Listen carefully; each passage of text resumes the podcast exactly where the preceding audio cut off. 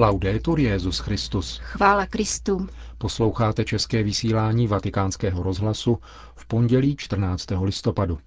Po zprávách naší rozhlasové stanice uslyšíte zamyšlení vatikánského ekonoma a bankéře, profesora Gotti Tedeskyho, o příčinách a řešení stávající celosvětové ekonomické krize. Dnešním pořadem vás provázejí Jana Gruberová a Milan Glázer.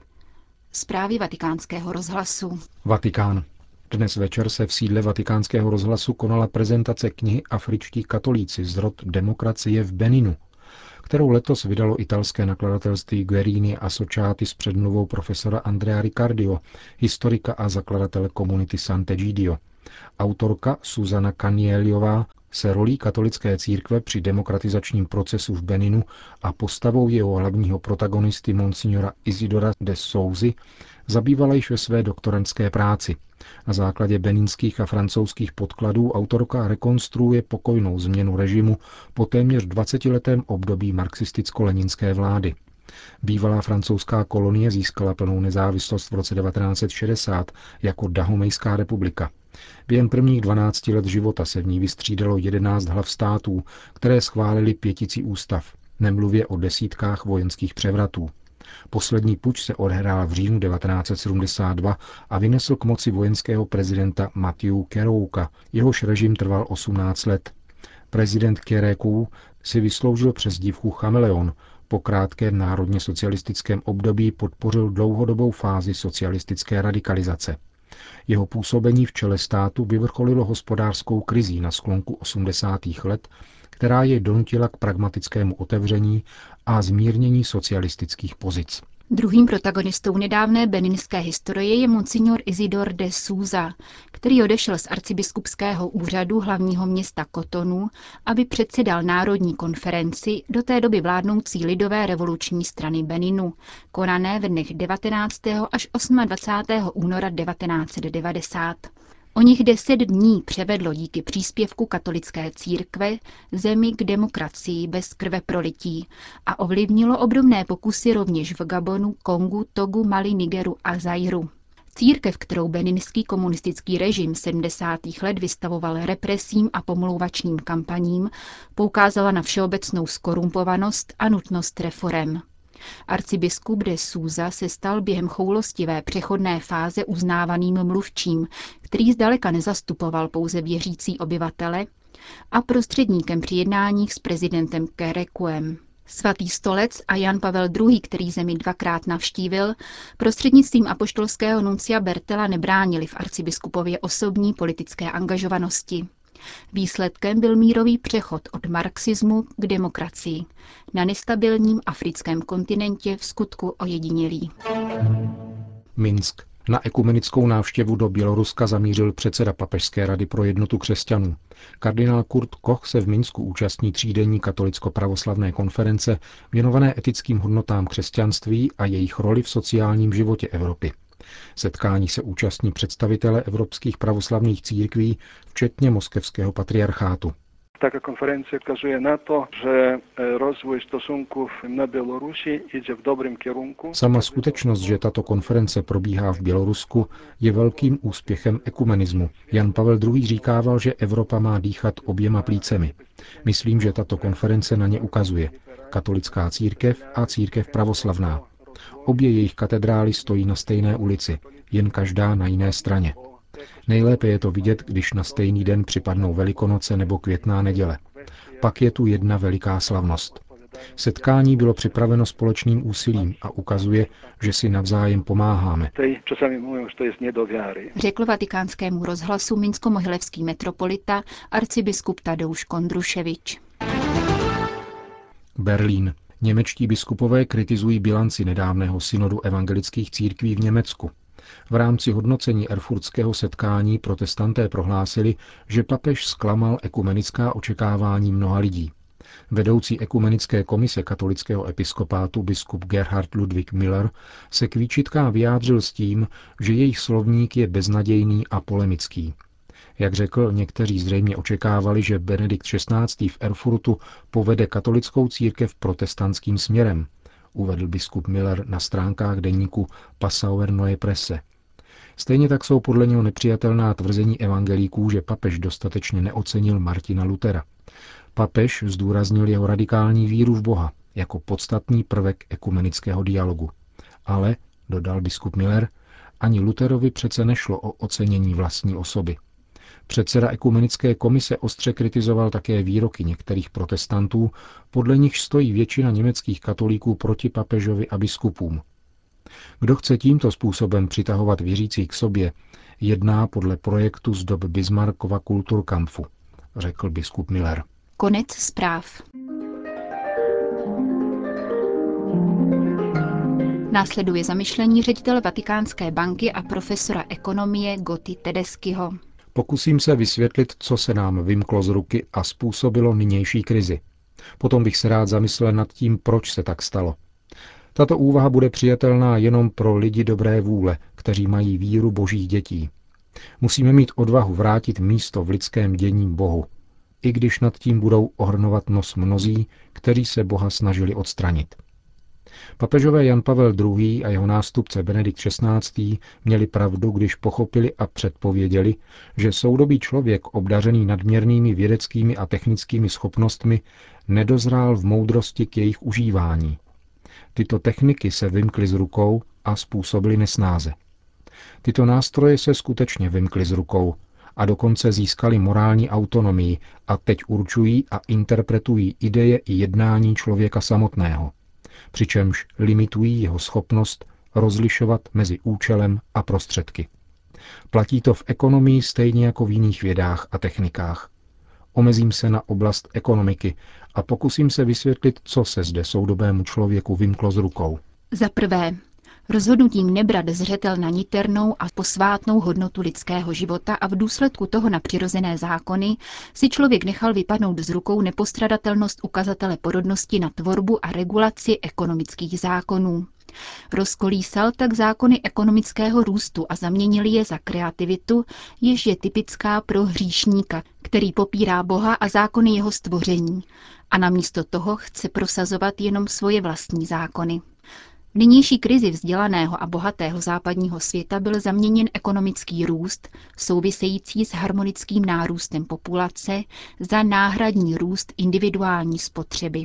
Za druhé, rozhodnutím nebrat zřetel na jedinečnost lidského života, tvořeného tělem i duchem, si člověk nechal vypadnout z rukou samotnou logiku a dynamiku ekonomického rozvoje, který nebyl chtěn a zaveden v celistvosti, nýbrž pouze po materiální stránce – aby byl užíván a konzumován člověkem považovaným za inteligentního živočicha, jehož je třeba uspokojovat pouze materiálně a kterému byla dána možnost konzumovat všechno. Jinak by totiž hrubý domácí produkt nerostl.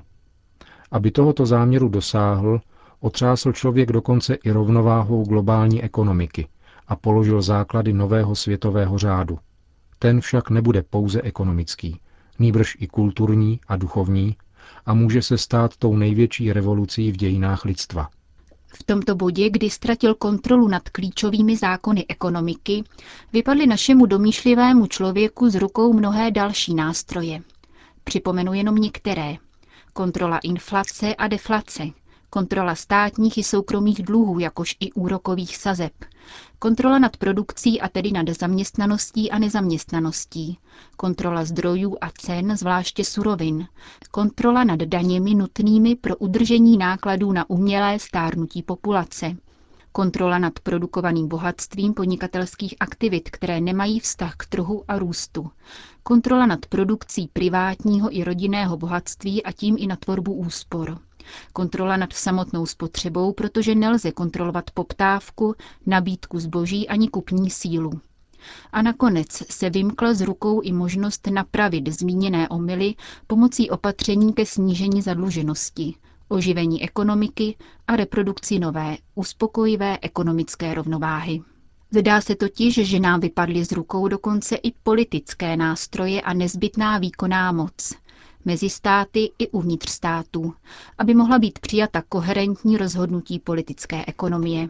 Slíbil jsem také úvahu o tom, proč k tomu mohlo dojít.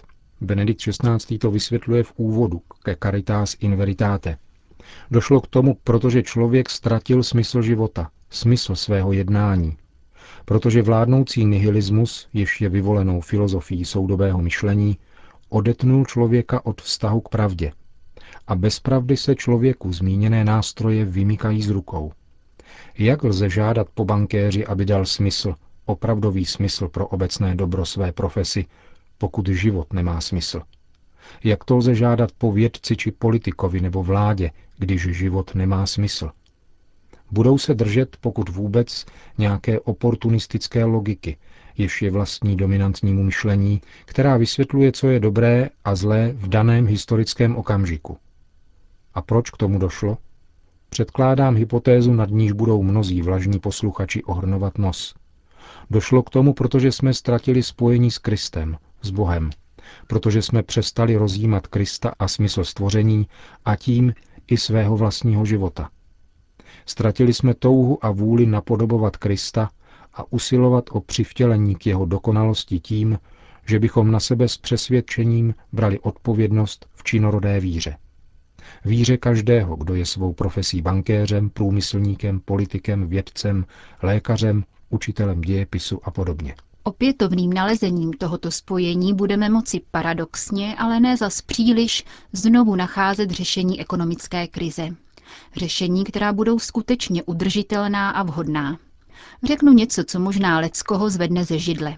Nedokážeme nalézt a aplikovat pravá řešení, pokud budou kritéria, s nimiž pracujeme, ovlivněna hříchem. Pokud neuznáme neblahou moc hříchu na jednání, na uvažování a na rozhodování lidských bytostí. Vraťme se proto k mluvení o hříchu a o tom, nakolik ovlivňuje lidské myšlení a jednání. Každý návrh na zmíněnou krizi bude marný, pokud bude ovlivněna zmatkem, jenž je vytvářen zvykem hřešit, popírat hřích jako takový i jeho následky. Každý projekt, okořeněný domýšlivostí, samolibostí, žádostivostí a podobně, stane se neudržitelným, protože bude nutně odhlížet od skutečných potřeb osoby, jedinečnosti jejího života, jejího povolání k věčnosti a od nezbytnosti usilovat na této zemi o posvěcení.